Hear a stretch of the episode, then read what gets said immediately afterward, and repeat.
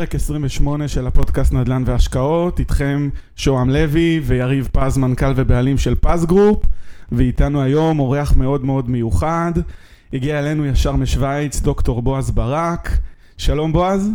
שלום רב, בוקר טוב. בוקר טוב, מה שלומך? מצוין, למרות uh, כל הסביבה, מנסים אה, להמשיך כרגיל. כן. וחייבים להמשיך כרגיל, ואחד הדברים החשובים זה לדבר על השקעות, כי צריך לשרוד, לא? לגמרי, לגמרי. האמת ששוהם הציג אותך, אה, שהוא סיפר לי עליך, אז אמרתי לו, תספר לי מי זה בועז. אז uh, הוא סיפר בערך חצי שעה. אני, אם היו צריכים לספר עליי, זה היה בערך לוקח דקה וחצי. אז uh, בוא ככה תספר לנו טיפה על עצמך. מה אתה עושה, טייטלים וכל מיני דברים כאלה, שגם אנחנו וגם המאזינים שלנו ידעו מי, אה, מי מפרשן להם את השאלות שאנחנו תכף אה, נשאל אותך. בשמחה, בשמחה. יריב ושוהם, אתם יודעים שכל אדם אוהב לדבר על עצמו, אז אה, אני אעשה את זה בתענוג. יש ורסיה מאוד ארוכה, ויש ורסיה יותר קצרה, ואני אעשה את זה באמצע. אוקיי. Okay.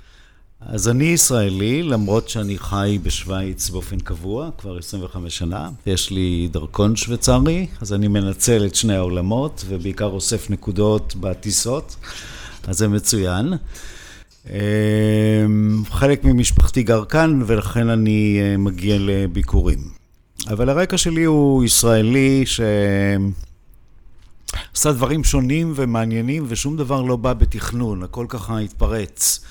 אין אסטרטגיה. אה, לא, בתקופה מסוימת עסקתי בעיתונות, הייתי, רוב האנשים ודאי לא זוכרים את הימים של בחצי היום, היום הזה, הייתי עורך התוכניות ב... קראו לזה כל ישראל, ואחר כך אה, כן. רשות השידור התפתחה. ולמדתי משפטים, מנהל עסקים, ובשלב מסוים החלטתי לעבור לעולם האקדמי. נסעתי לקיימברידג' באנגליה, עשיתי דוקטורט במשפט בינלאומי. הייתה לי מלגה מהשוק המשותף. עזרתי לישראל באותם ימים להצטרף להסכמים שונים של השוק המשותף. חזרתי ארצה, לימדתי באוניברסיטאות בירושלים, תל אביב, הצטרפתי לחברת כלל בשעתו, שהייתה החברה הגדולה ביותר במשק, ניהלתי שתי חברות בת של כלל, אבל הימים היו ימים מטורפים מבחינת שוק ההון. אני לא יודע אם אתה זוכר, יריב, היו שנים שהריבית הדולרית הגיעה ל-21 אחוז, ושערי החליפין כל חודש נעו 10 אחוז בין הגבוה לנמוך, וחברות נכנסו לטירוף מסוים, איך הן מגנות על ה... על ה balance sheet שלהם, על המאזנים, כי בלי לעשות כלום יכולת או להפסיד או להרוויח המון. פיתחנו כל מיני טכנולוגיות בשעתו כשהעולם היה לא מפותח, יעצנו לחברות הגדולות בארץ, חברת החשמל, אני זוכר, חברת הפחם, הייתה עצים, כלל הייתה לקוח שלי מבחוץ, איך לנסות אה, להגן על עצמם, לעשות hedging פיננסי. כן. החברה הצליחה מאוד והייתי בר מזל למכור אותה לאדמונד רוטשילד. אה. אדמונד רוטשילד ובנו בנג'מין הכירו אותי. רגע, זו אותה משפחה מפורסמת של משפחת רוטשילד, כן? כן, משפחת רוטשילד. רוטשילד מתל אביב, כן. מהרחוב פה, מהאוהלים? אה, כולם, כולם קשורים. מהאוהלים, אוקיי. מהרצליה, בעיקר, ב, אני זוכר, אה, בקיסריה, היה להם אה, בית יפה מאוד. anyhow, נשארתי איתם ארבע שנים. כן. ואחר כך הייתי חופשי לעצמי אה, לעשות מה שאני רוצה, בנסיבות שונות התגלגלתי לשוויץ. ושם התחילה קריירה שמעולם לא תכננתי ולא חשבתי ולא רציתי להיות בנקאי. אמ, אבל ידיד הציע לי להצטרף לקרדיט סוויס, שהשם של הבנק אגב היה אחרת לגמרי, הוא נקרא Schweizerische Kreditanstalt בגרמנית כבדה. שם קליט. כן. רגע, רק אנחנו מדברים על קרדיט סוויס שכולם מכירים, נוחי דנקנר, נכון, זה אותו קרדיט סוויס. נוחי מכיר אותו לא מהצד הטוב. כן. וקרדיט סוויס הוא הבנק השוויצרי הגדול והוותיק ביותר. הוא לא הגדול, UBS גדול יותר, אבל הוותיק כן. ביותר, כ-170 שנה.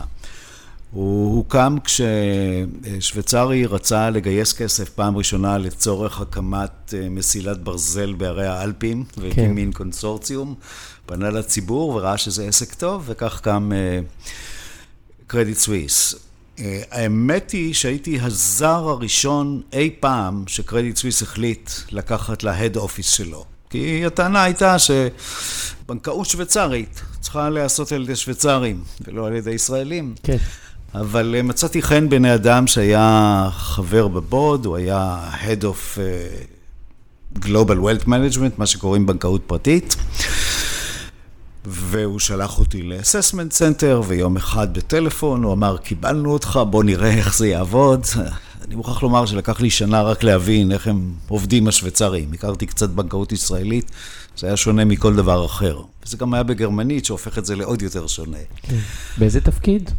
השנה הראשונה היה בלי תפקיד, אבל חופשי. לך תעבור כל יום ממחלקה למחלקה, תלמד מה הם עושים, תשאל שאלות, תבין מה הראייה הגלובלית. Uh-huh. והתנאי לקבל אותי, אחרי שבדקו אותי, אמרו שאם נראה שאתה מתאים, תעבור בצמרת הבנק הלאה. אני רק אקדים כאן ואומר שהצטרפתי בסופו של דבר להנהלה העולמית של הבנק. Uh-huh. אבל התפקיד הראשון שלי היה מה שהם קוראים VAP דסק. זה דסק של הלקוחות הגדולים של הבנק בעולם, בדרך כלל משפחות גדולות אה, מכל העולם. היו לי לקוחות מאסיה, אה, כמובן אה, צפון אמריקה ודרום אמריקה וכל מקום, אינדונזיה אני זוכר. בשעתו אלה היו לקוחות שהחזיקו בבנק 50 מיליון סוויס פרנק ומעלה, ואני מניח שהחזיקו גם בבנקים אחרים. אבל סוג הניהול הבנקאי שהם דרשו היה שונה. בעיקר לרוב הלקוחות האלה ישנם עסקים, והם אמרו לבנק, אתה רוצה את הכסף שלי, תעזור לי גם בעסקים. זה היה תמיד uh, give and take, תן וקח, או קבל ותן. Uh, בין השאר, uh, באותם ימים לקרדיט סוויס לא היה סניף בישראל, אז uh, לא היה אפילו דסק ישראלי. הקמתי את הדסק הישראלי, הקמתי את הסניף בארץ. אני מוכרח לומר שבתוך שנתיים הדסק הישראלי בציריך גדל לממדים שהיו יותר גדולים מכל מדינות סקנדינביה ביחד. הייתה תקופת הטכנולוגיה, ישראלים קנו ומכרו חברות ו... כן. היה קל, אני אומר תמיד שהיו לי, היה לי מזל, הייתה לי זכות ליפול בזמן הנכון. וכאמור, מאוחר יותר הצטרפתי להנהלה העולמית של רגע, רק, רק אני רוצה פה לעמוד איזושהי נקודה, זאת אומרת... שבישראל היה הרבה עושר ופוטנציאל, ולא ניהלו אותו בצורה מקצועית, ולתוך החלל הזה נכנס, נכנסה הבנקאות השוויצרית, והגיעה לישראל. זאת אחת הסיבות, וסיבות טכניות אחרות זה שביבי נתניהו היה בשעתו שר האוצר, והוא אמר בוא נהפוך את השקל למטבע בינלאומית, והרשה לפתוח חשבונות בחו"ל ולסחור בשקל אה, בבורסות בינלאומיות, ופתאום אה, נפתחו השערים וישראלים עמדו בתור לפתוח חשבונות, היינו פשוט ברי מזל. במקביל, אם אתה זוכר, זה סוף אה, המאה הקודמת, או תחילת שנות האלפיים, היה גל של הנפקות ישראליות בנסדק, ישראלים עשו המון כסף, מה שהשוויצרים קוראים Wealth Creation. והם חיפשו להחזיק כספים בחוץ לארץ באופן מוצהר, אבל העדיפו להיות אה, בריחוק מסוים מהארץ. אז, והכל ביחד, יחד עם, אה, כמו שאתה אומר, שוהם, בנקאות יותר אה, מתוחכמת, יותר מודרנית, בנקאות שנבנתה לתת תשובות למשקיעים שרצו להיות גלובליים וכיוצא בזה. היה מרתק. אני מצאתי את עצמי בסקאלה אחרת לגמרי ממה שיכולתי להעלות על הדעת. ואחרי 15 שנה אה, עזבתי את קרדיט סוויס, עברתי לבנק שמרוחק 20 מטר מעבר לכביש, ל-UBS. ברחוב בנופשטרסה, לא? בבנופשטרסה, כן. כן. שזה, מי שלא יודע, זה הרחוב של כל המטה העולמי של כל הבנקים השוויצרים. זה הפרדה פלאץ, כן. אתה יודע, חותני פעם אמר, בכל כיכר מרכזית, בכל עיר יש כיכר גדולה, וסביבה יש כנסיות. בשוויץ, סביב הכיכר הגדולה יש בנקים.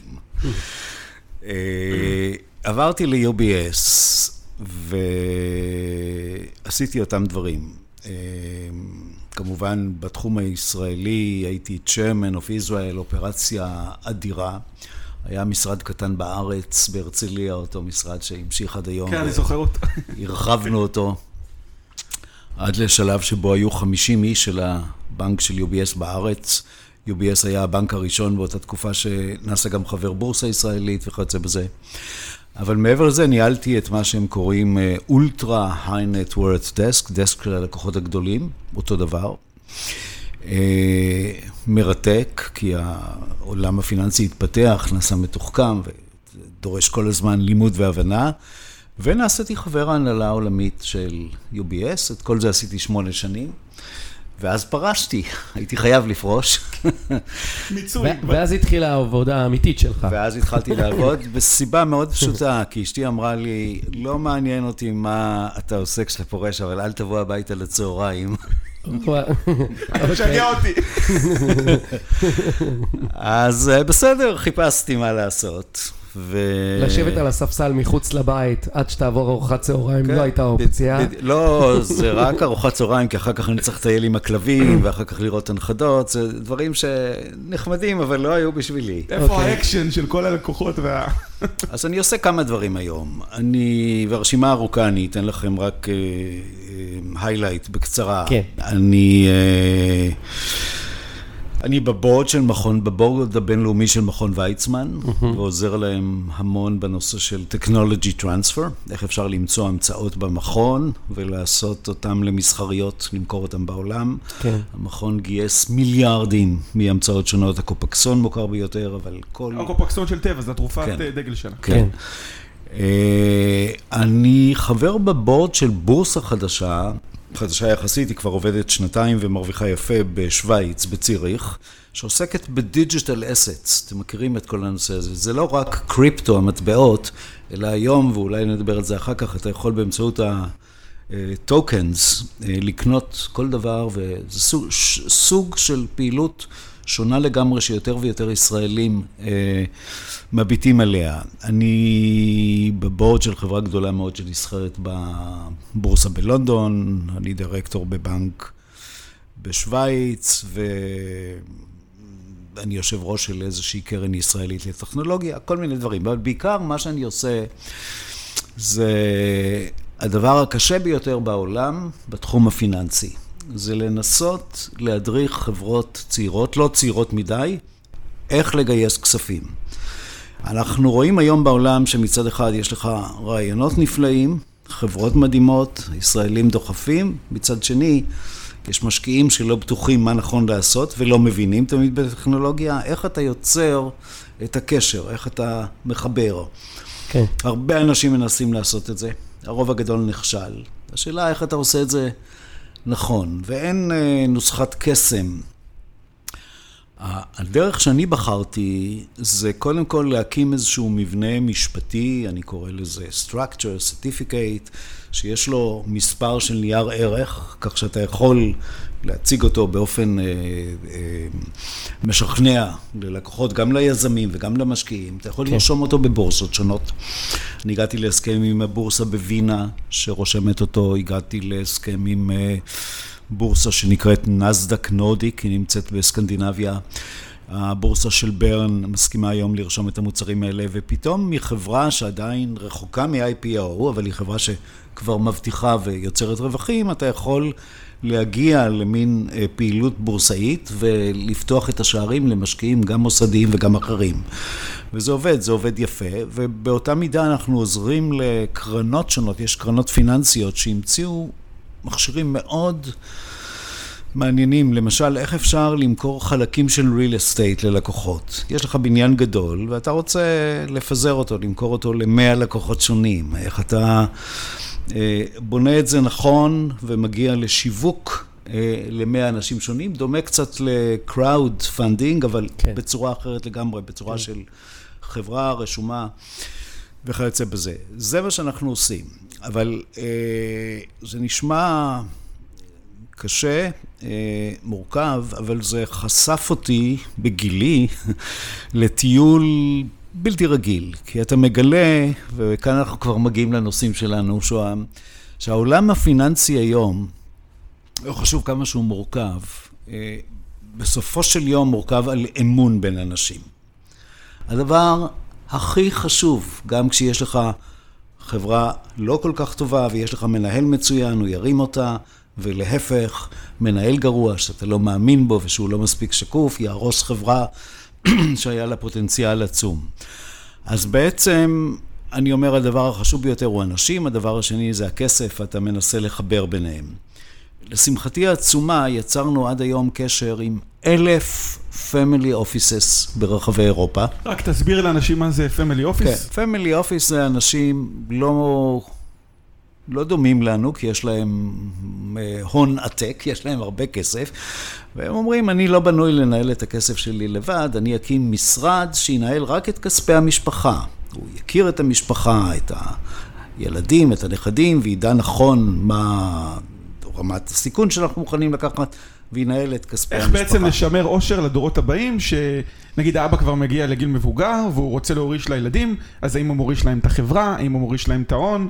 מישהו שינהל את כל זה ויסתכל לטווחים מאוד ארוכים, וידאג לשמור על ההון של המשפחה, שמשהו לא... אכן כך, נחשפנו לעניין הזה באחרונה, כשמיכאל שטראוס, זיכרונו לברכה, הלך לעולמו, ופתאום נשארה משפחה של ילדים מוצלחים עם המון נכסים, והשאלה, איך, לא איך שוברים את הנכסים ומחלקים, אלא איך משמרים את כל העסק כעסק חי, אבל עדיין מייחסים בעלות משפטית לילדים שונים.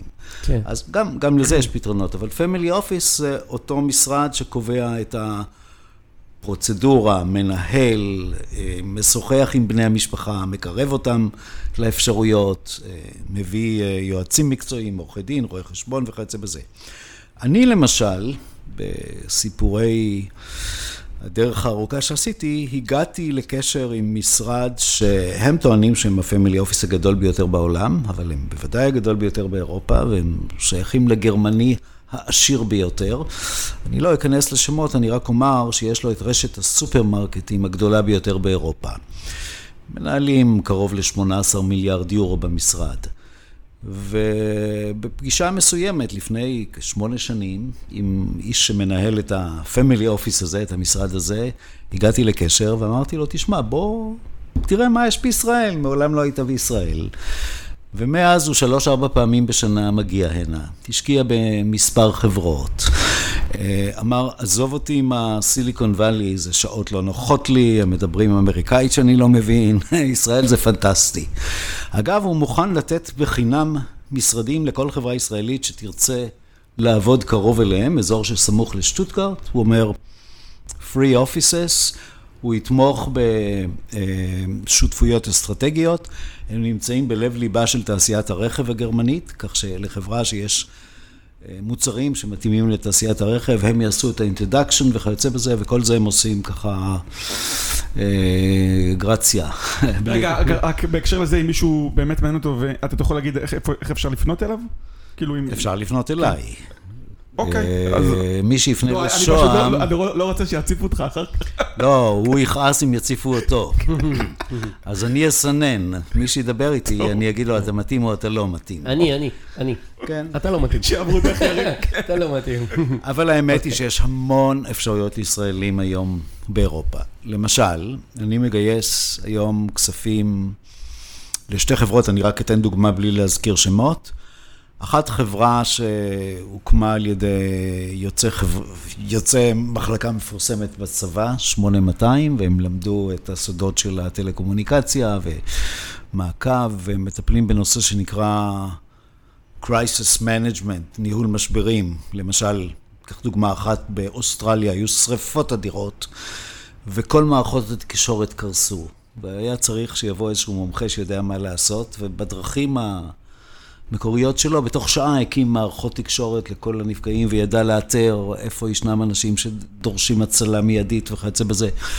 זאת החברה שישראלים הקימו אותה, אבל היא עובדת בשוויץ, יש לה משרדים שונים בעולם, והיא רווחית, ואנחנו מנסים לעזור לה לגדול ומגייסים כסף. יש לה חברה ישראלית אחרת שעוסקת בתחום הלנדינג, לתת היום כספים לאנשים, זה מה שנקרא P2P, או לחברות, היא רוצה לגדול באירופה, אנחנו מגייסים לה כסף, והכל באותה טכניקה שסיפרתי לכם. אז, אה, אז אם אני אחזור לדרך איך מגייסים כסף, יש אה, כמה שיטות, אבל הראשונה היא מה שהזכרתי, הקשר ל-Family Offices, והקשר למה שקיים באירופה וקצת פחות בארץ, asset managers. יש באירופה מאות משרדים של portfolio managers, אנשים שעבדו בבנקים בעבר והיום אומרים אני אנהל תיק לפלוני אלמוני בדרך כלל אה, הלקוחות שלהם מהמזרח התיכון, תיקים של כמה מאות מיליונים, ואם אתה יוצר איתם קשר נכון, אז הם אומרים, אוקיי, השקעה של שלושה, חמישה אחוז מתיק הלקוח, גם בבניין, גם ב-real estate, שזה מאוד מושך, ותכף נדבר על ה-real estate, למה הם מושכים היום.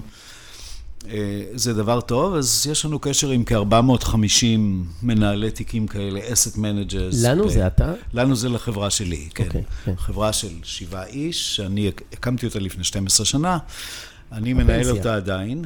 הקמת אותה בפנסיה. פנסיה, הרמתי אותה. אחלה פנסיה, אוקיי. התחלתי עם חברה, אם אתה כבר שואל, עם חברה שוויצרית, כי בשעתו UBS ביקש ממני ייעוץ בכמה פרויקטים בינלאומיים. אבל הם אמרו, עשו לנו טובה, תקים חברה, כי לא נעים לנו להתקשר עם אדם פרטי מבחוץ, אבל עם חברה זה נראה יותר טוב.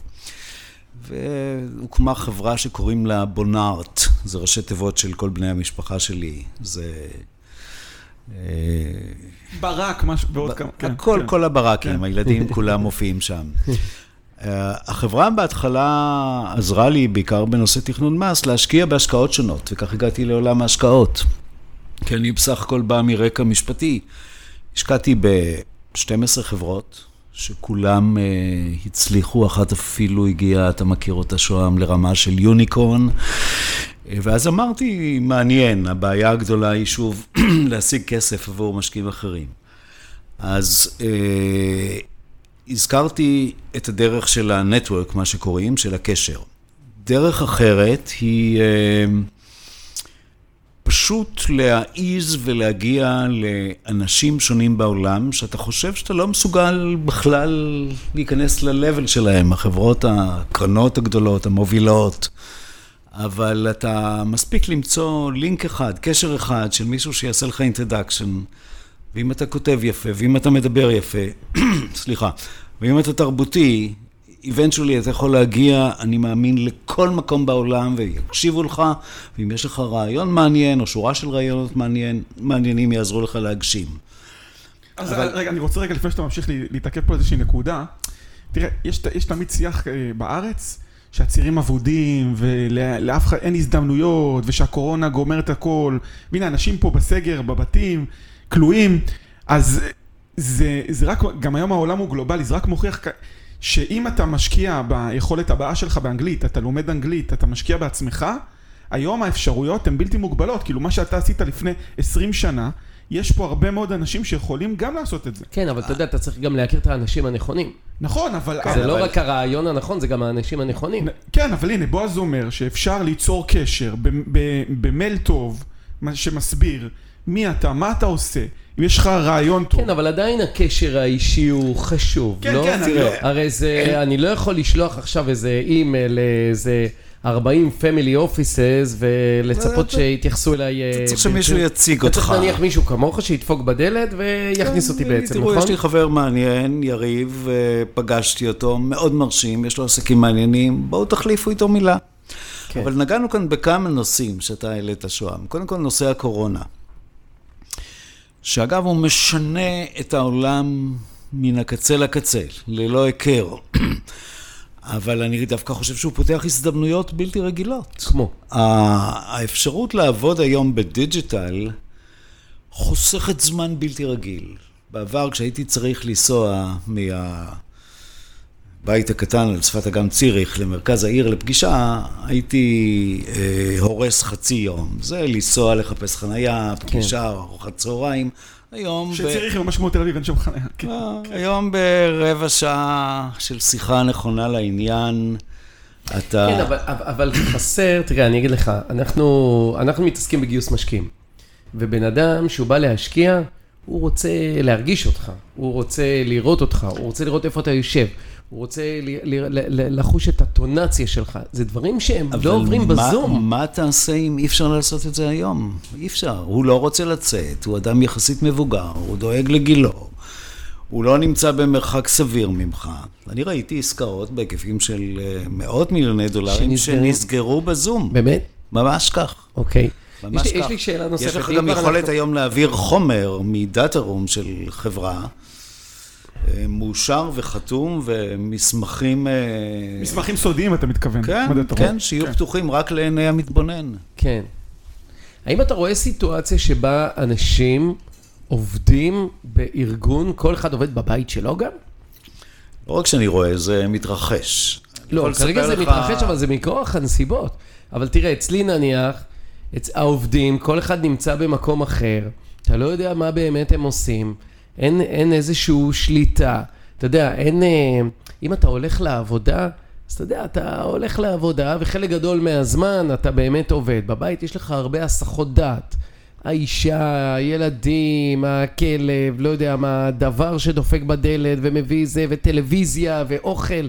אני חושב שהזמן שאתה משקיע בעבודה הוא הרבה, האחוז הוא הרבה יותר נמוך, אני אני- טועה? אני... אתה טועה. כן. כרגיל כן.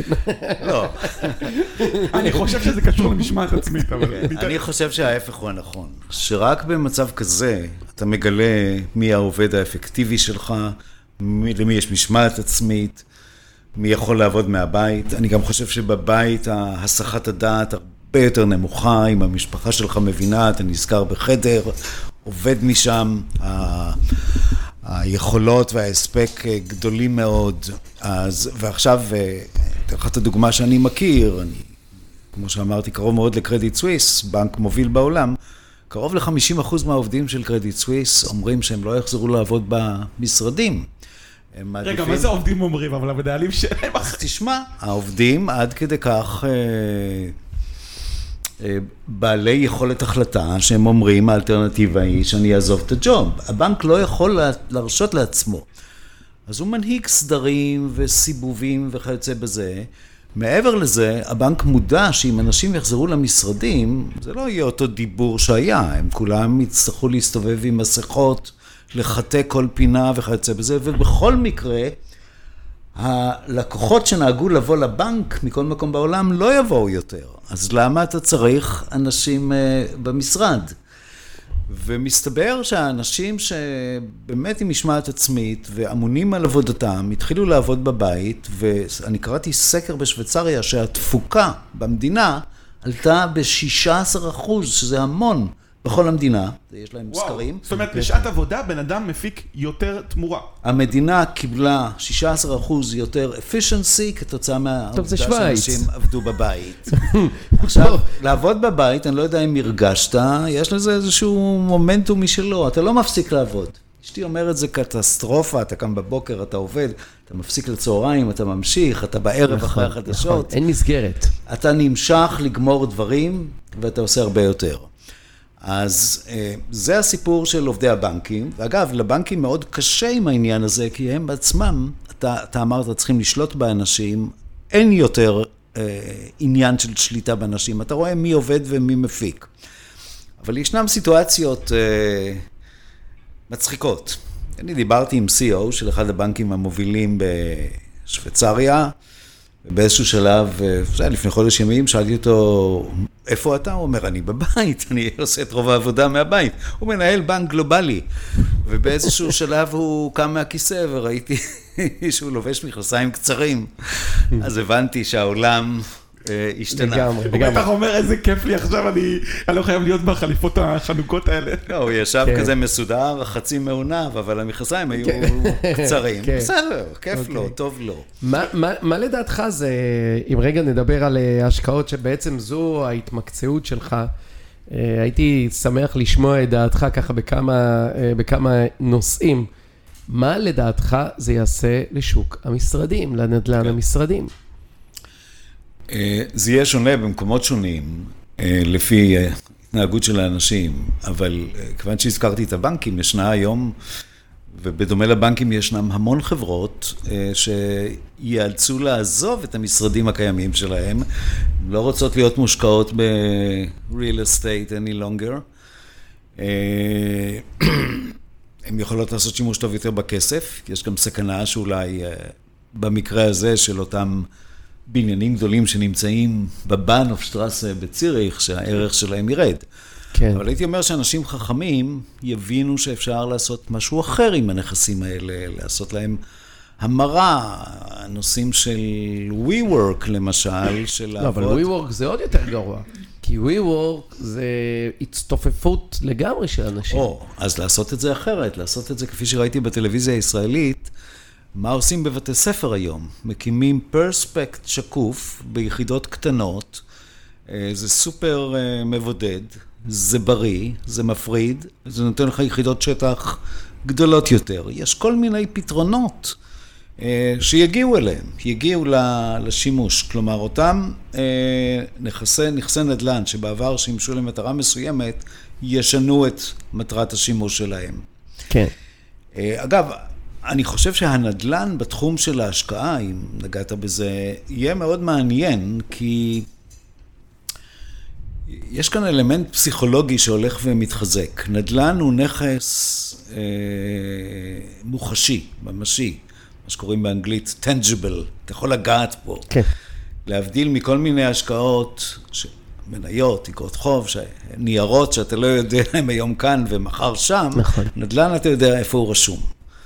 יש לך גם זכות ובעלות חוקית שמיוצגת באופן נכון. לנדל"ן יש אה, הוכחה מאוד ברורה שהקורלציה של המחיר בנדל"ן בהשוואה לקורלציה של שוקי ההון האחרים הוא שונה. כלומר, אנשים מחפשים להיות מגוונים בתחום ההשקעה שלהם, בתיק ההשקעות שלהם. נדל"ן עוזר להם לעניין הזה. וישנם, הייתי אומר במהירות, עוד שני נושאים. היום הנדל"ן הוא בינלאומי. אתה לא חייב לקנות אותו במדינה כזו או אחרת, ולכן אתה יכול לגוון. והיום אפשר הרבה מאוד להגיע לנדל"ן באופן דיגיטלי. ישנם כל מיני חברות שהתפתחו, ועל האתרים שלהם אתה יכול לקנות נכסים כאן ובמקום אחר, וחלקים מנכסים. ושוב, אנחנו מגיעים לנושא של נדל"ן. הנדל"ן עצמו ישנה את אופיו עם הזמן.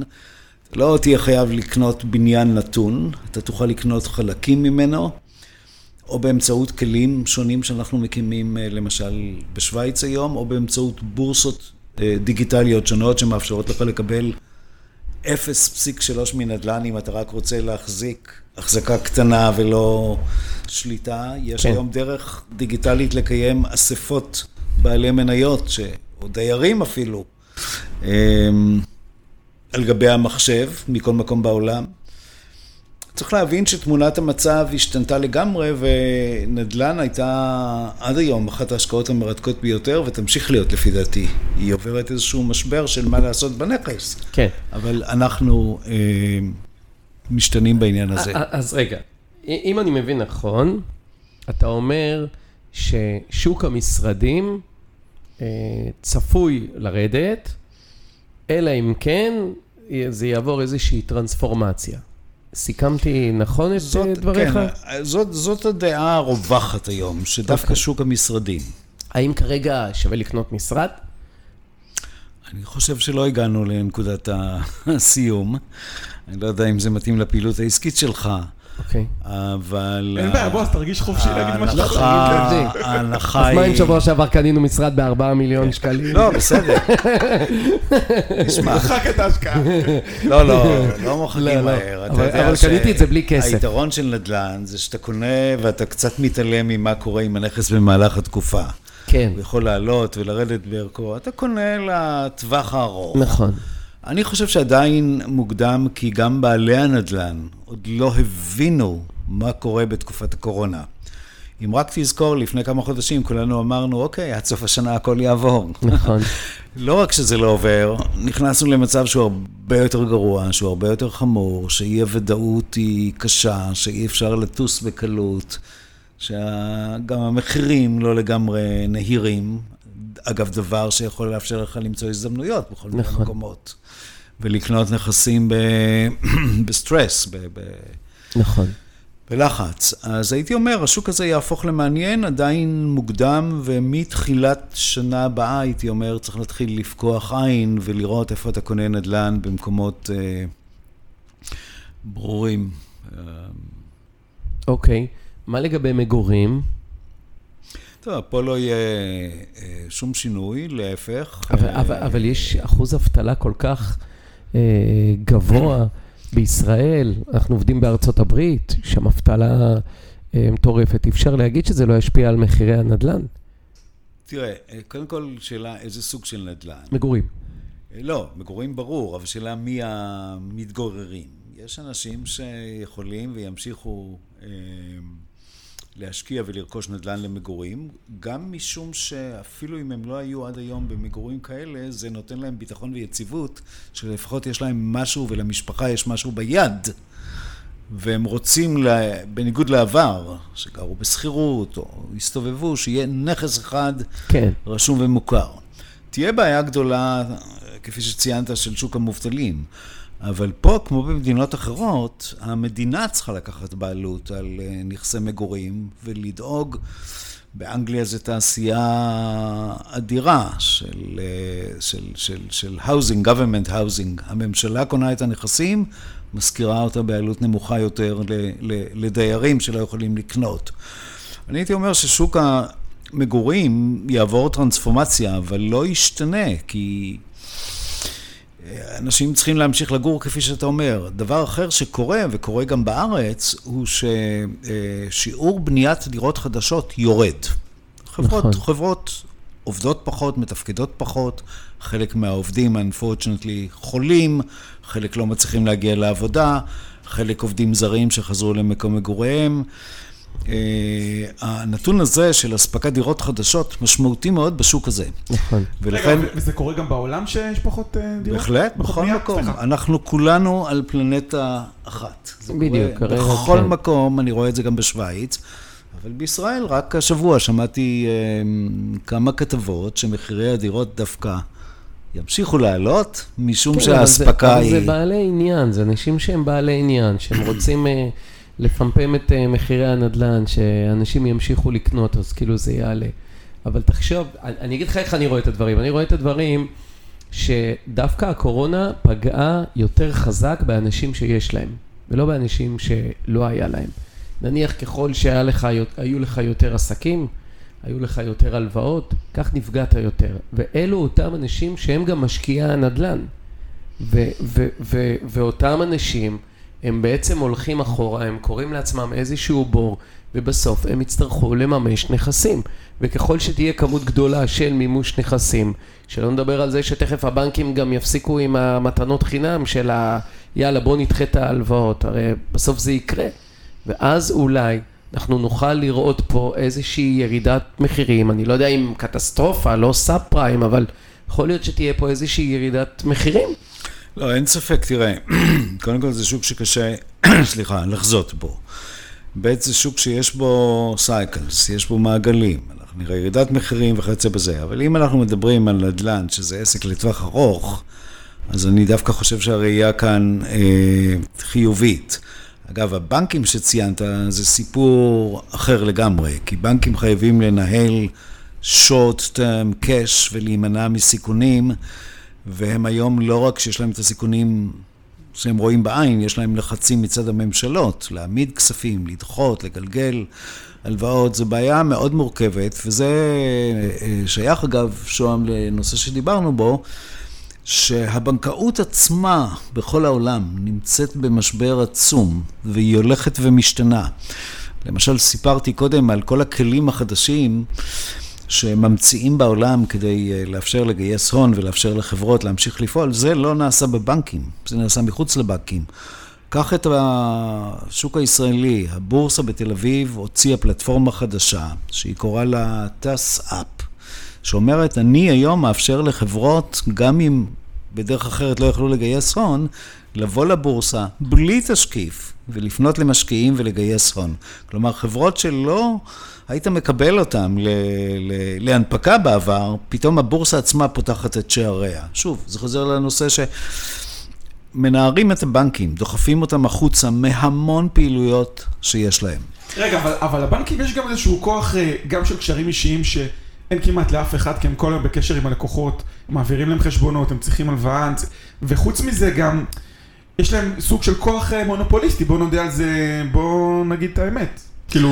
יש, יש להם הרבה קשרים וכוח. כן, תראה, התפקיד של הבנקים מצטמצם למה שקוראים אה, אדמיניסטרציה ו custodianship, אני לא מכיר את המילה בעברית. הם מחזיקים נכסים פיננסיים עבור הלקוחות.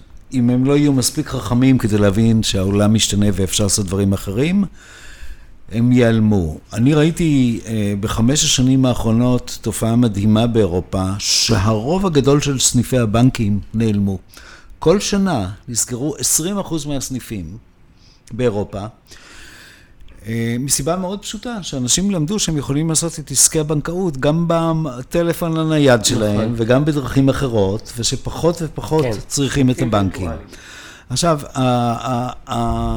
הנושא שמתפתח, ושוב, אמרנו קודם, התמקד בשתי נקודות. קודם כל, אמינות. ברגע שאתה מגלה שיש לך גוף פרטי שהוא לא בנק, תיקח את חברת מימון ישיר, תיקח חברות ביטוח שונות שלא קשורות יותר לתעשיות הפיננסיות המסורתיות, אבל הם יצרו אמון וביטחון, יעבדו איתם. ודבר שני, שהיום הוא חשוב יותר מכל, אתה דיברת קודם על מי נפגע ומי פחות נפגע, נפגע זה פחות חשוב כמו שחשוב אה, להיות אה, ממציא של הזדמנויות חדשות. היום המוח האנושי שווה יותר מכל כסף אחר שאתה מחזיק. אתה יכול ליצור הון עתק בתקופת חיים אחת, מה שפעם אי אפשר היה, משפחות, משפחת רוטשילד יצרה את זה על פני דורות בדרכים איטיות ומורכבות. היום אתה מסתכל על ביל גייטס ועל אחרים, ג'ף בזוס ואחרים, ואתה רואה שאנשים,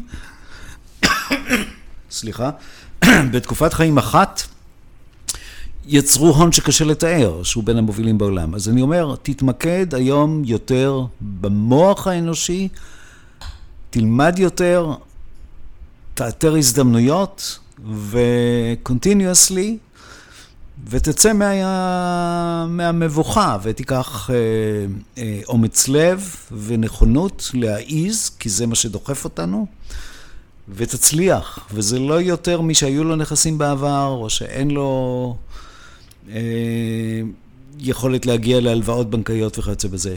זה, העולם משתנה, אנשים לא תופסים שהקובייה התהפכה. אתה צריך לחשוב מחוץ לקופסה בכל צעד שאתה עושה היום. כן. כן, אבל תשמע, אתה רואה אנשים היום אה, נורא, נורא מיואשים. נכון. נורא... אה, האדמה נשמטה אה, מתחת לרגלם. אה, הבנקים מתקשרים. אין להם יותר מדי מה, מה לעשות. המצב רוח לא בשמיים. איך אתה מייעץ נניח לאדם כזה to create himself, להמציא את עצמו מחדש באיזשהו כיוון, לאסוף את האנרגיות של עצמו ובכלל לחשוב על איזה משהו, שלא נדבר שגם לפני הקורונה, מתוך איזה עשרה עסקים, תשעה היו נסגרים.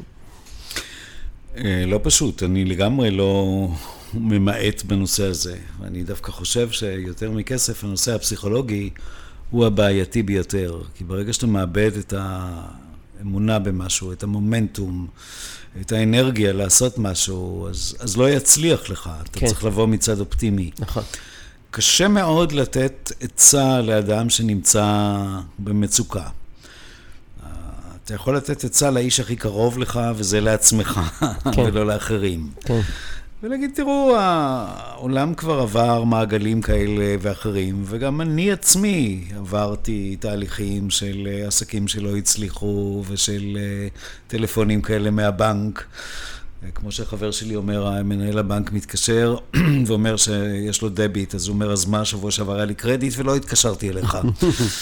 אה, עוברים כל מיני cycles שונים, ואתה צריך uh, להאמין ביכולת האנושית תמיד להמציא את הגלגל מחדש, דבר שיש לישראלים.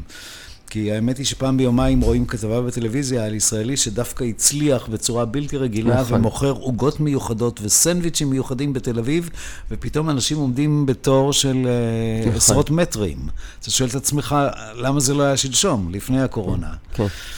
אה, לישראל יש יכולות טכנולוגיות, היום העולם יסתכל אה, הרבה יותר על ביוטכנולוגי, על רפואה.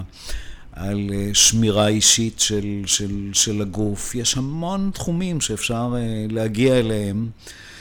לא פשוט, לא קל, לא נוח. כן. אה, זה לא לכל גיל, אבל צריך לעשות את המאמץ המתמיד. כן.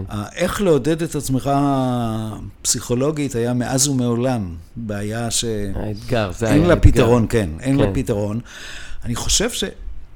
בדרך כלל כשאתה בצוות, עולים רעיונות טובים. כן. כשאתה יושב עם כמה אנשים ומדברים, עושים ככה, מה שנקרא brainstorming. כן, בקיצור, לאסוף עוד כמה דיכאונים סביבך. בדיוק, כן.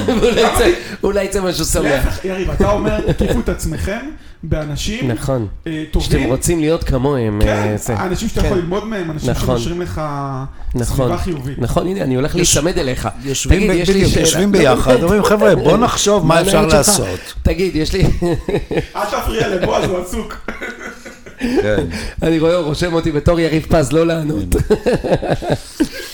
תגיד, אתה, אתה נפגש בטח בחייך עם המון אנשים שהם מאוד מאוד מצליחים, אנשי עסקים שהם מאוד מצליחים. יש איזשהו משהו שאתה מזהה בהם שיש אצל אנשים שהם לא הצליחו או פחות הצליחו?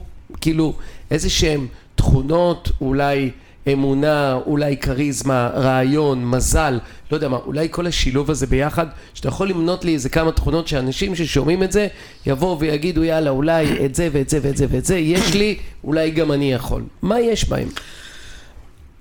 תראה, קודם כל, כמובן שזה לא אה, אפיון אחד ספציפי של אופי, אלא זה הצטברות של אה, כמה התנהגויות, הייתי אומר, ביחד.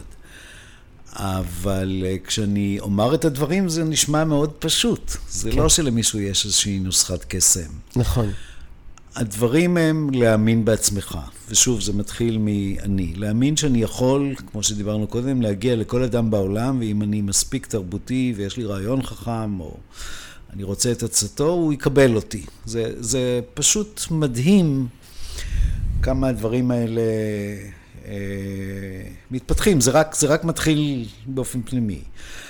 אבל לא לוותר לעצמך. לא לראות את עצמך כקורבן של משהו, אלא להגיד, אני אה, הולך בדרכי, כי זו דרכי, אני מקשיב לאחרים, אתה תמיד צריך להקשיב, אבל לא לתת להם בקלות לשכנע אם אתה לא משתכנע, נכון, ולהיות אמין, דיברנו קודם כל על היכולת האישית להיות הגון ולהיות טרנספרנט, כי it pays at the end of the day. נכון. זה חוזר אליך. העולם... אבל אני חושב שהיום זה גם באיך אתה, אם יש לך מודעות עצמית, שאתה יודע באמת מה אתה עושה ומה חושבים, מה יכולים לחשוב עליך, וגם אה, מבחינת איך אתה מתאר את הדברים, כי אם עכשיו תבוא ותפנה לבן אדם עשיר או איזה משקיע גדול, איזה בנק גדול, ותגיד, יש לי עכשיו אה, את הרעיון שיכפיל את השווי של הבנק. אף אחד לא ייקח את זה ברצינות. כאילו, יכול להיות שיש לך, אבל... לא, אבל זו רק ההתחלה. תביא את כל לא את הפרוצדורה. שמאפשרת לך אה, להוכיח את הדברים אה, ולהראות. אבל אתה מתחיל בביטחון העצמי, כי אחרת אתה אפילו לא ניגש לדבר עם פלוני אלמוני. נכון. אבל אני חוזר ואומר, עברתי המון תהפוכות בימי חיי, וראיתי אנשים שהתנהגו בחוסר שקיפות, בחוסר אמינות, ולכאורה נראה שבדרך, בשלב קצר הם הצליחו מאוד, אבל הכדור פתאום מתהפך at the end of the day, כן. כשהם היו צריכים משהו, כולם זכרו להם את ההתנהגות הלא, כן. הלא ראויה. כן, אז תהיה שלם, אתה גם ישן יותר טוב בלילה, כשאתה יודע שאתה שלם עם עצמך. אבל גם תעיז. אתה תעיז תמיד, בכל שלב, לקחת סיכון, כי הסיכון מאפשר הזדמנות, אבל סיכון עד לנקודה מסוימת, ש, אה, שאילו טעית בו, שאילו הוא לא עבד, לא יביא אותך לשלב מצב גרוע אתה יותר. הרבה יותר גרוע. כן, כלומר, calculated risk, אבל תיקח ריסק, כי העולם בנוי על סיכונים. כן, הבנתי. אז כל, כל הדברים האלה, כשהם מצטברים ביחד, באישיות אחת, ואתה קם בבוקר אופטימי, עם חיוך ועם אנרגיה, ואומר, או, הנה, היום הזה יביא לי עוד הזדמנויות, אתה, אתה תגיע לשם. כן, כן. תגיד, מה אתה אומר על אה, מצב הבנקים כרגע? יש איזשהו חשש ליציבות שלהם, או, או משהו שהם יכולים לעשות שיתרום? אולי הם אמורים להיות יותר אמפתיים ללקוחות, אולי דווקא לא. אה, אה, תראה, זה שונה כמובן במדינות שונות. אני חושב שהבנקים כן, נניח פה הבנקים בישראל. במצב יציב. בישראל לפי אנחנו שעה- מדברים? כן, אוקיי. כן. לפי שעה הם במצב אה, יציב, הם אה, מאז המשבר הפיננסי האחרון למדו אה, לדעת איך לנהל את הסיכון. אגב, בשוויץ היה פרויקט עצום שהקים אותו הבנק המרכזי והממשלה, והוא נקרא too big to fail. מה זה אומר? אנחנו לא יכולים להרשות לבנק, כמו שאתה אמרת, UBS, שהיה משלם המיסים הגדול ביותר, וכל שנה שילם חמישה מיליארד סוויס פרנק רק מס לממשלה, הממשלה לא יכולה להרשות לעצמה נכון. שיהיה בנק כזה גדול, שהנפילה שלו תזעזע את המערכת. כן. ואז הנהיגו כללים ורגולציות ורפורמות. אני... אבל זה לא תמיד טוב ללקוחות. זה לא מסתדר לא, לפעמים עם הלקוחות, לא? תראה, הממשלה... אני אה, הייתי בידידות עם אדם שהיה פעמיים נשיא שווייץ, ואחר כך נהפך לצ'רמן של UBS, כי ל-UBS היו בעיות משפטיות עם הרשויות בארצות הברית על אה, הטיפול בלקוחות מסוימים, אמריקאים, שאסור היה לבנק לטפל, והבנק גייס אותו במחשבה שהוא כדיפלומט גם ידע לנהל, והוא הוציא את הבנק מ... מהקושי. ואז הצעתי לו כמה פעמים לבקר בארץ, והתחלנו. שורה של ביקורים. היינו כאן ופגשנו אנשים שונים. אבל בין השאר הוא היה בשוויץ שר האוצר, תקופה מסוימת. ובאחת השיחות פה בארץ, כשנסענו למלון בחזרה, הוא אמר, אתה יודע, אם יש דבר שאני מצטער עליו עד היום, זה שהייתי שר אוצר, הטלתי כל כך הרבה מגבלות על הבנקים ואיסורים. הוא היה כן. כבר הצ'רמן של כן, UBS כן. באותה תקופה. הוא אומר, היום אני צריך להילחם בזה מהצד האחר. אז אה, לכל אחד יש אה, כן. את האישורים שלו. אבל אני רוצה לחזור לנושא שאני חושב שהבנקים הולכים ומאבדים את אה, התפקיד המסורתי שיש להם בעולם. בנקים שחוזרים ועולים הם בנקים כמו שקבוצת רוטשילד מחזיקה באנגליה בעיקר, אה, זה מה שנקרא פעם מרצ'נט בנק. זה אם יש לך עסק שהוא מעניין, אני כבנק רוצה להשקיע בך. עד היום הבנקים לא משקיעים בך. ואני אביא אה, קבוצות של משקיעים שהולכים איתי. אם אתה לא מעניין אותי כמשקיע, אז אני כמובן אנסה לעזור לך לגייס כסף וכיוצא בזה. אבל הסיפור של מרצ'נט בנק יעזור לבנקים להתאושש, הם אה, הולכים ולוקחים חלק בתשתית אה, כלכלית שנבנית מחדש. תפקיד המתווך לא יעזור הרבה לבנקים. בתחום, בשוק ניירות הערך, מעמלות קשה מאוד להרוויח. המרג'נס, אה, שולי הרווח יורדים.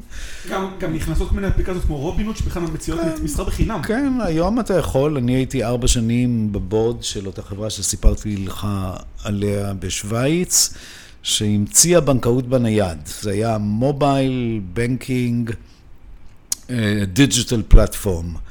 בתוך שנתיים פתחנו שני מיליון חשבונות בנק בגרמניה. כי באמצעות הטלפון אפשרנו מה שנקרא אגרגציה, יכולת להוריד את כל חשבונות הבנק שלך לאפליקציה אחת, לראות את כל ההחזקות במבט אחד, לבצע העברות בתוך שניות וגם לבצע רכישות. כולל של משכנתה ושל ליסינג ושל הלוואות וכיוצא בזה. אז למה לכתת רגליים לסניף הבנק, אם אתה יכול לעשות את הכל? ואני רוצה לומר לך שזה עובד 24 שעות ביממה, לא רק בשעות הפתוחות של הבנק. כן. וזה לא צריך לענות לטלפון, כי זה מתפקד, זה אמין, אין טעויות בדבר הזה, אתה יכול לסמוך ולהיות רגוע עם העניין, וכל מי שיש לו ראש טכנולוגי בקלות מתביית על הנושא הזה. כן. עניתי אלון גם. אה, אה, איך לדעתך הממשלה אה, מתנהלת מול המשבר הכלכלי? אני מצטרף למקהלה שאומרת שבחלומות הגרועים שלנו לא האמנו שהממשלה תתנהג כפי שהיא מתנהגת. למה, למה יש גוף כזה שנקרא ממשלה? כדי שהוא ידאג לך בתקופת מצוקה. אז אם יש מלחמה, זאת האחריות שלה, והפעם זו מלחמה אבל מסוג אחר. היא לא דאגה, אני אתן לך דוגמה אחת פשוטה, היא לא דאגה לעובדים העצמאיים והאחרים בקלות. בשוויצריה, מיד כשהתחילו להילחם בקורונה, יצאה תקנה שאמרה, אם העסק שלך ירד בהכנסות, תמלא טופס, זה לוקח כמה דקות, ותבקש הלוואה, רוב ההלוואות היו חצי מיליון סוויס פרנק, בלי ריבית. בלי ריבית. אנחנו גם לא נבוא ונבדוק, ואל תיתן לנו כרגע אה, יואו. עדויות מה הרווחת בעבר. באמת? אין בעיה, הם מיד העמידו שני מיליארד והלאה. אבל, אולי שני טריל- שני מיליארד או שני טריליון? זה אחר כך הגיע לשני טריליון, כן. ביום הראשון. אבל הם אמרו, אם אנחנו נתפוס אותך מאוחר יותר, כשנגיע לזמן של בדיקת הטפסים, שרימית, שמסרת נתונים לא נכונים, אז זאת עבירה פלילית, עברת על החוק. אבל מיידית אין שום ויכוח, כמה כסף אתה צריך כדי להתקיים? כך. וואו. וזה עבד. אני לא שמעתי, זה יותר מ-750 שקל יצא. כמעט אלף, אני לא שמעתי שוויצרי אחד וואו. שמתלונן שהוא לא קיבל מספיק כסף מהממשלה. אין, הנושא הזה לא קיים בכלל בוויכוח. הוויכוח הוא אחר, אתה לא תאמין מה הוויכוח. הוויכוח הוא מגיע אפילו למשאל עם, האם הממשלה יכולה להורות לאזרח לעטות מסכה. כי אתה פוגע בחופש הפרט שלו. וואו. הוויכוח הגדול עכשיו הוא כשיומצא יומצא החיסון, ה-vaccination, האם הממשלה תוכל לאכוף על האזרחים לקבל. יש ויכוח אדיר שם. חלק גדול מאוד מהאזרחים אומר לא. אז הוויכוח הוא על נושאים אחרים לגמרי, אבל לא אם הממשלה עזרה לי. א- א- איך החיים נראים שם, לצד המחלה? איך זה נראה? Hmm. מה, אנשים אה, אה, מבואסים, אנשים שמחים, אנשים עובדים, אנשים עובדים מהבית, אנשים יוצאים, מבלים, הם מבזבזים. אנשים... מה מה התחלואה אנשים שם? מודאגים. התחלואה מודאגים? שהייתה, כן, התחלואה שהייתה קטנה עלתה בימים האחרונים לשיעור גבוה, מסיבה פשוטה מה- מה שלא? נס, לא נסגרו, אני לא יודע, אבל אני קראתי אתמול שמספר הנדבקים הגיע ל-9,000, שזה המון. ובהתחלה היו להם... 9,000 ביום, אתה מתכוון. כן, וואו. 9,300 ביום האחרון. אנחנו היינו פה בשלושת אלפים לפני הסגר, לא, נכון? אפילו יותר, 9,000. לא. אנחנו לא, הגענו ל-8,000. אנחנו? כן, 8,000 לא, עד כן. 9,000. היה- באמת? כן, כן, יש כמה זה עכשיו? 500, לא? 500 ליום, כן. כן. אז וואו, זה אה, המון. עכשיו, זה נובע מזה שהם... כאילו קצת מתכחשים שם למחלה, לא? כן, שהאוכלוסייה לא הבינה את חומרת המחלה. למשל, עד לפני שבוע התקיים פסטיבל קולנוע בשוויץ. נכון. קונצרטים התנהלו כרגיל, המסעדות לא נסגרו. הטלת על האזרח את האחריות האישית לדאוג לעצמו. אבל אני שוב לא חושב שהסבירו מספיק ושאנשים הבינו. כרגע זה נכנס יותר ויותר לידי הממשלה הפדרלית שאומרת, חבר'ה, אנחנו איבדנו כל גבול וכל רסן. אבל הבעיות המשפטיות שם, יש 24 קנטונים, כל קנטון הוא עצמאי וכל קנטון מנהל את המדיניות שלו. כך שהממשלה צריכה להיכנס לוויכוחים ולמשא ומתן עם הקנטונים. אין uh, תרופת פלא כמו מצב חירום כללי, שבו אתה יכול מיד overnight לפעול.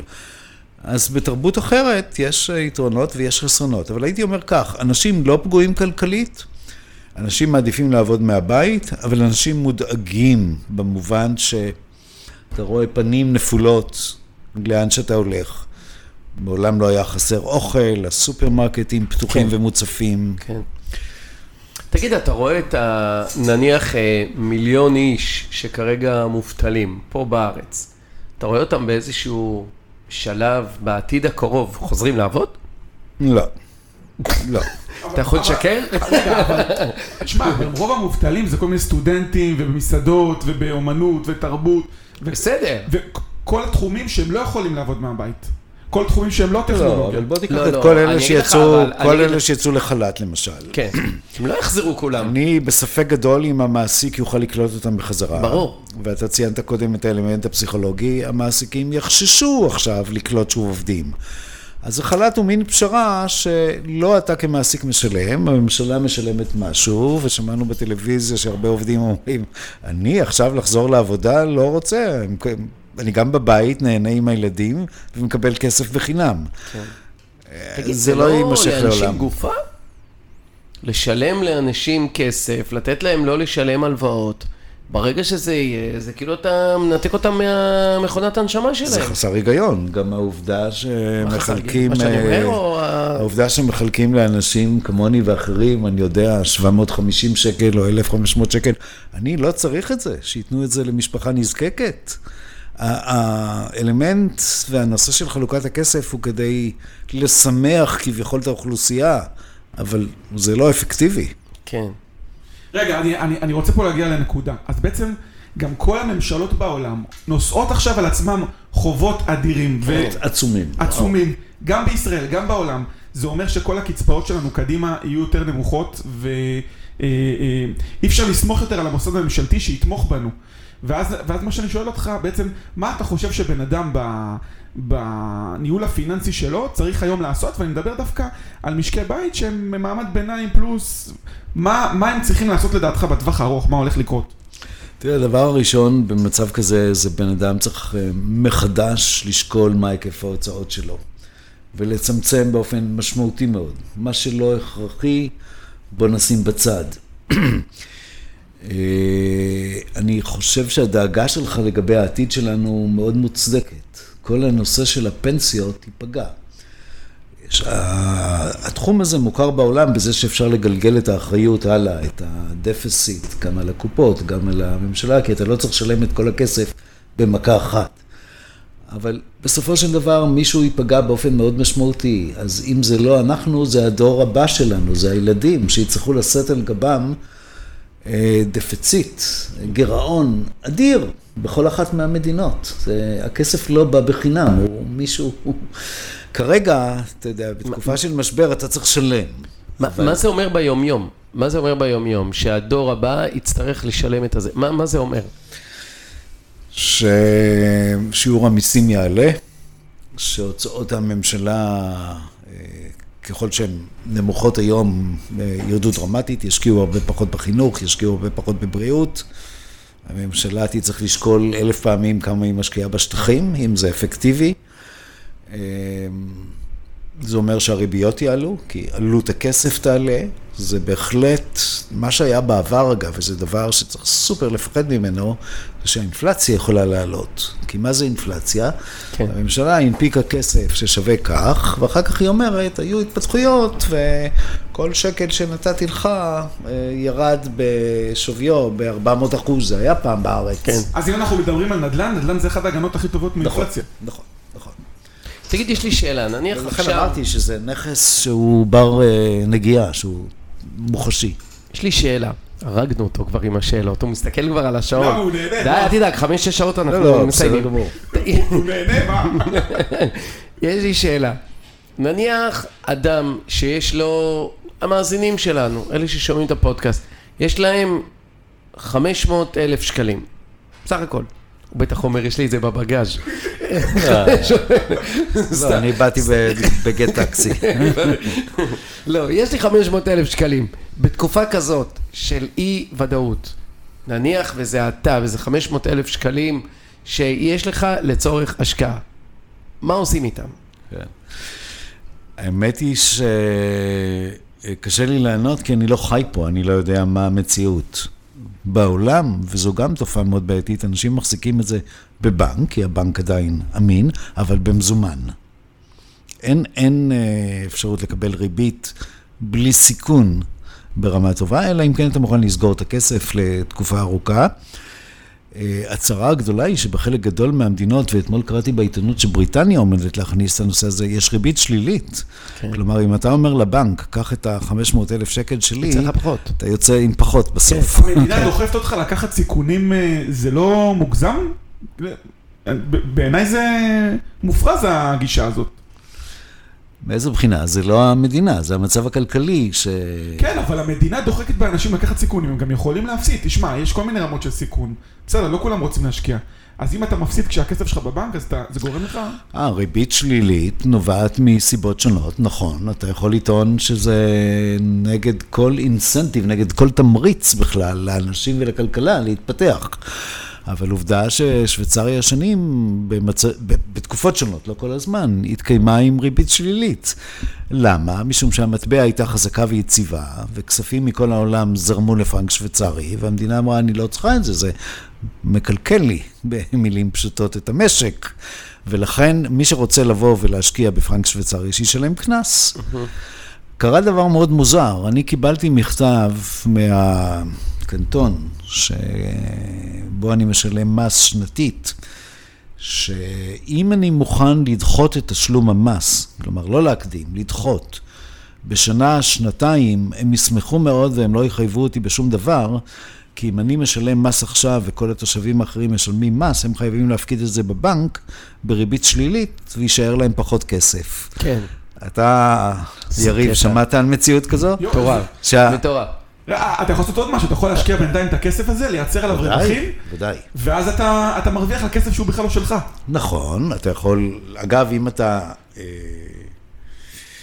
לווה בשוויץ, הריבית מוכרת, ולא משנה לצורך מה, כהוצאה, ואם אתה משקיע בבורסה, אין מס רווחי הון בשוויץ, אה, אז יש המון יתרונות אה, לא לשלם, לדחות את הכסף. כן. אוקיי, אז, אז בוא, בוא, בוא נחזור רגע לשאלה. מה עושים עם אני לא 500 קיבלתי אלף? אתה... כן. 500 אלף, מיליון שקל יעזור יותר נניח? מה אני לא, עושה? לא, זה לא הסכום. זה לא הסכום. אה, אני לא הייתי משקיע בחברה מסחרית מכל סוג, כלומר גם באגרות חוב של חברות מסחריות, אני לא יודע מה יהיה העתיד שלהם. חברה בודדת, אתה מתכוון. כן. אוקיי. הייתי או משקיע בקרן, אה, אפילו מספר קרנות שיכולות לעשות פיזור בתחום של ריביות, לא, לא בשוק המניות בשלב הזה. מה זה ריביות בתחום של הלוואות? אגרות חוב. אגרות חוב. לא, אגרות חוב שונות, אבל יש גם באגרות חוב רמות שונות של זהירות, של קונסרבטיביות. יש... אז אתה תקבל, אה, נגיד, אה, במקרה הטוב, 4% בשנה, שזה פנטסטי, או כן. קצת פחות, זאת, אבל זה בטוח. מעבר לזה, ישנן קרנות שמשקיעות רק באגרות חוב של הממשלה. אז אתה, כמו שהגשש אומר, אם לא תהיה ממשלה, לא יהיה שום דבר, אז גם זה סביר. אוקיי. אה, אבל מעבר לזה, אני חושב שאתה צריך... אה, מה עם דברים שמחוץ לשוק ההון? תראה, אז מה שמשוק, מחוץ לשוק ההון, אני לא יודע אם נדל"ן נחשב עבורך מחוץ לשוק ההון. נניח. אז כן, שווה? נדל"ן הוא מאוד מעניין, בזהירות. אה, נדל"ן מניב יכול להיות מאוד מעניין, אז או שאתה קונה משהו פחות ובאת- מסחרי, נכון? פחות חנויות אולי? פחות מסחרי, כי אתה לא יודע מה יהיה העתיד הקרוב שלהם, נכון. אבל אתה יכול לנהל את הנדל"ן בעצמך אם קנית דירה אה, להשכיר, או אם אתה נותן את זה לאיזשהו ארגון שכך מתנהל, שקונה נדל"ן מניב ומשכיר. כן. יש חברות מעניינות בארץ. אה, זה מעניין, אבל אתה יודע, זה לא מה שהיה פעם, כי העולם השתנה, פעם היית יכול להשקיע במשהו בביטחון מלא, היום כל דבר מעורר לגמרי. שאלה. וידיד טוב שלי, שפעם היה הנשיא של מכון ויצמן, אומר, אפילו העתיד הוא לא מה שהיה פעם. כן. Even the future is not what it used to be. זהו, אין, אין כבר את הגבולות לעתיד למה יכול לקרות כבר. לגמרי. חוסר האי-ודאות וההפרעה היא כן. פשוט... כן, אבל יכול להיות. ככל שהקורונה תהיה פה פחות זמן, אז אולי זה יחזור לנקודת ההתחלה. זהו, אי אפשר לדעת, אני יכול להיות שנסגל הרגלים, שבאמת אם הקורונה תהיה פה עוד שנתיים שלוש, זה כבר יהיה זה מושרש בנו. אני- אבל אני יכול שמע- להיות שאם זה יסתיים בעוד חודשיים שלושה, אז... זה לא יסתיים, אני יכול להבטיח לך שזה לא יסתיים. אני אני. שמעתי הרצאה של מישהו אה. שהוא אמר זה לפחות יהיה פה שנתיים ויהיה סגר שלישי, רביעי, חמישי. וואו. הוא לא רואה משהו, וזה בן אדם שהוא מייעץ לחברות מאוד יכול אה, להיות, מאוד יכול גדולות. כן. להיות, כי הרופאים ממליצים להיכנס למה שנקרא שגרת קורונה. להתרגל שזה חלק בלתי נפרד מחיינו לשנים ארוכות. כי לא בטוח מה תהיה האפקטיביות של החיסון, יש בו עדיין, כן. אם, גם כשהוא, כשימציאו אותו והוא יאושר, יש בו עדיין סכנות. כל יום מתגלים אה, חידושים מה תופעות הלוואי של קורונה. ו, וכל דבר אה, ישתנה עובר זמן, אז אתה צודק, זה עולם אחר שאתה צריך, אה, החוסר ה... ה... לצערי, כישראלי אני מחפש מילים, האינקונסיסטנצי, חוסר העקביות, חוסר הביטחון, חוסר היציבות, זה דבר שיישאר איתנו לחיים. כן. ואני שומע, שוב בראיונות בטלוויזיה, משם אני מפיק את החוכמה שלי, המון נשים צעירות ששואלות את עצמם, האם זה הזמן להביא ילדים לעולם? אני רוצה להביא ילדים לעולם כזה שהוא לא בטוח, שקשה להתנהל בו כן. וכיוצא בזה? כן. אנחנו שואלים את עצמנו שאלות אה, מאוד מהותיות. נכון. תגיד, מה דעתך על, אה, על אה, עולם הנדל"ן בארצות הברית נניח, או מה שקורה עכשיו עם הכלכלה האמריקאית והבחירות, ו... תראה, ההצפה של השוק. זה עולם אחר לגמרי מהעולם שאנחנו מכירים, עולם הנדל"ן בארצות הברית, ורוב הגדול של האנשים גרים... אה, אני יכול להגיד לך שהשוק שם. בוער. כן, בוער. כן. אם פעם היינו קונים אה, נכס, מישהו היה מציע אותו למכירה ב-100, הייתי מציע 80, לוקח. היום אני אקנה ב-100, לא בטוח שאני אקח, ב full כן, price. כן. בגלל שאתה גם ואין בזה היגיון. בגלל שאתה בשוק ה single family, אז אנשים בורחים ממרכזי הערים ובניינים עמוסים, והולכים לשם כי הם יכולים להיות בבית מבודדים. לא, גם הרבה אנשים מעדיפים למכור אה, נכסים שיש להם אה, בית ולגור בשכירות, ואתה רואה שם תנודתיות אדירה. אה, האמת היא שאחת הסיבות שהנדל"ן בארצות הברית אה, פורח זה הריבית האפסית. כן. קל, קל מאוד אה, לקבל משכנתה בעלות שאתה יכול להחזיר אותה בלי היסוסים. והשאלה הקריטית היא מה יקרה כשהגלגל יתחיל להתהפך. דיברנו חושב קודם על שזה אפשרות של... יקרה? כן, כן. מתי? רבע שעה, 20 דקות. אה, קצת יותר. תשמע, יש אה, אה, גורמים מקומיים ויש גורמים בינלאומיים. הגורמים המקומיים זה שהבנקים המרכזיים, כולל הבנק האמריקאי, ששוב, כמו שוויצרים, כמו ישראלים, שפכו עכשיו כסף, כן. באיזשהו שלב יעצרו ויגידו, אפשר יותר. אה, הם יתחילו לגייס כסף, לגייס כסף ממקורות שונים, כן. ינפיקו איגרות חוב, אבל כדי לקבל את הכסף שהם רוצים לגייס, הם יצטרכו להעלות את הריבית, ובמקביל עשויה להתחיל האינפלציה לעלות. א', זה ישתנה. רגע, בועז, אבל... אבל- דבר, שנייה אחת, אני רק אמרתי שני דברים, והדבר השני שאנשים עוצמים את העיניים, זה מעמדו של הדולר בעולם. אם מישהו באיזשהו שלב, כולל הסינים או אחרים, יחליטו שהם מתחילים למכור אגרות חוב, הם, הם בעלי החוב הגדולים ביותר של ארה"ב, נכון. החליטו שמספיק להם, ו... אז אנחנו מה נראה? כאן רעידת אדמה. ממש. אדירה, אדירה. זה יקרה? סליחה ש... לא, לא. זה יקרה? אה, תרחיש אה, זה? מדברים על זה, לא? מאיימים על זה. אה, מאיימים על זה. הבעיה היא, הבעיה העקרונית היא שאם הסינים עושים את זה כרגע, אז הם תוקעים טריז בגלגלים של עצמם. נכון. זה בומרנג, כי הם, מייצרים. הם, הם ישפ... קודם כל, אין להם מה לעשות עם הדולרים שלהם, הם צריכים לקנות אגרות חוב דולריות. ב', הם אה, ישפיעו על המחיר אם הם מתחילים למכור, אבל הסינים בחוכמה גדולה מאוד אה, מפזרים. עוברים ליורו, עוברים למטבעות אחרים. משקיעים המון בנכסים, כולל ב-real estate, במקומות כמו אפריקה, דרום אמריקה וכיוצא בזה.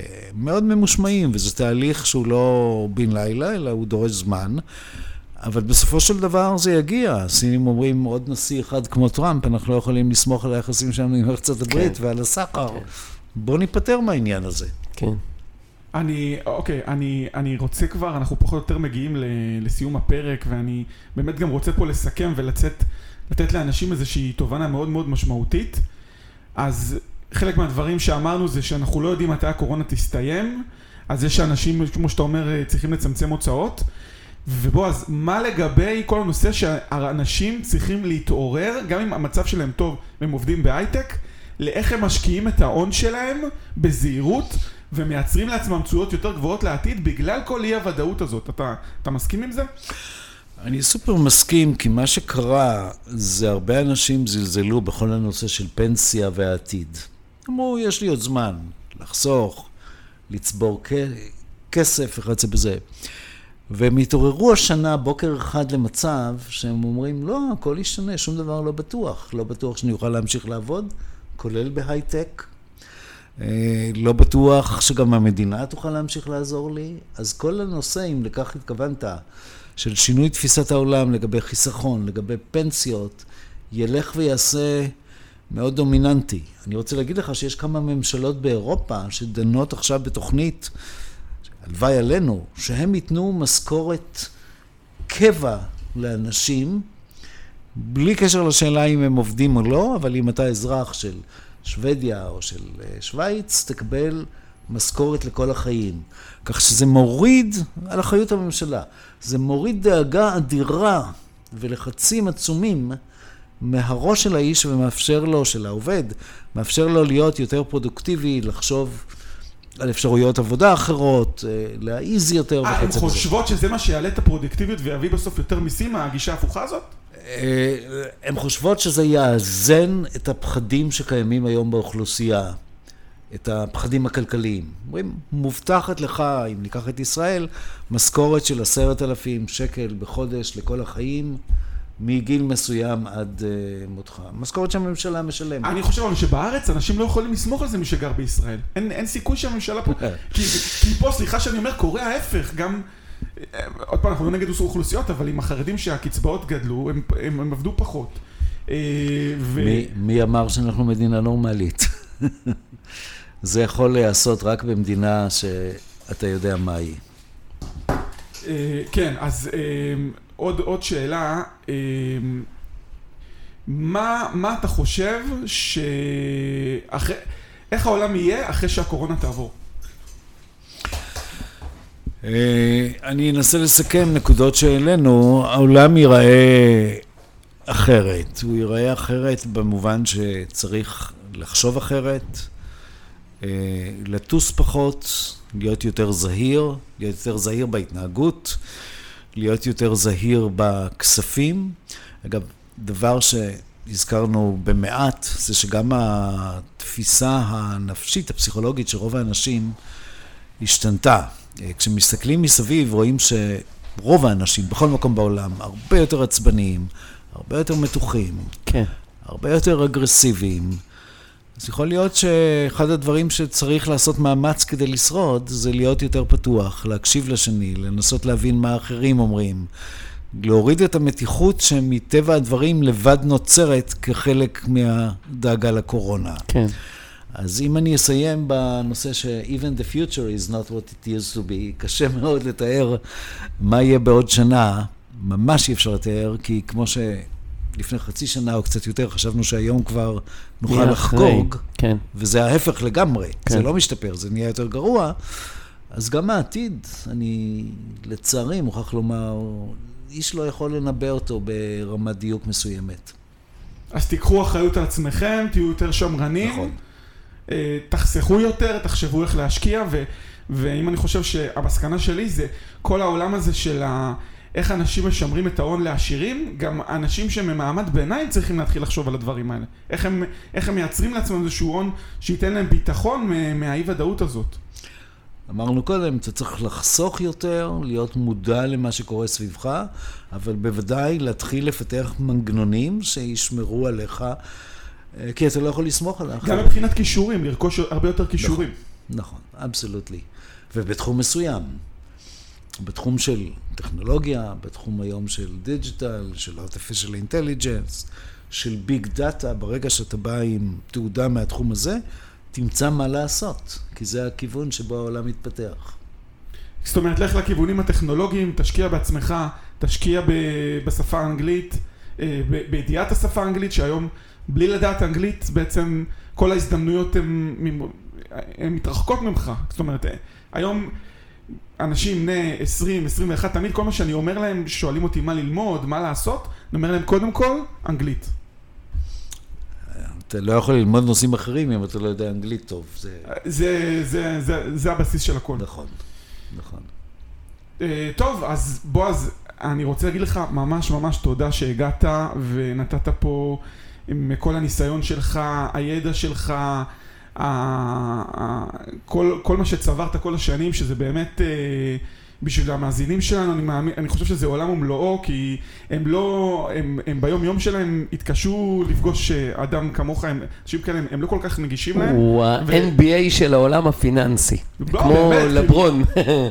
באמת, באמת כבוד. אני, אני מחמיא נכון. לבועז שזה באמת כבוד, ותודה רבה שהגעת, ו, ואני בטוח שמאזינים... התענוג שלי, שוהם ויריב, זה... בבוקר של יום שישי לעשות שיחה כזו, זה מעניין. כן, נהנית. כן. אמרתי לך יריב שהוא נהנה. כן. למה לא? היה חשוב לנו ש... שבאמת... אני אשמע לכם אה, חשבון, נהניתי מאוד. אחלה. קפה שחור אמרת, אתה רוצה אחרי זה, נכון? קפה שחור. קפה שחור, להתראות.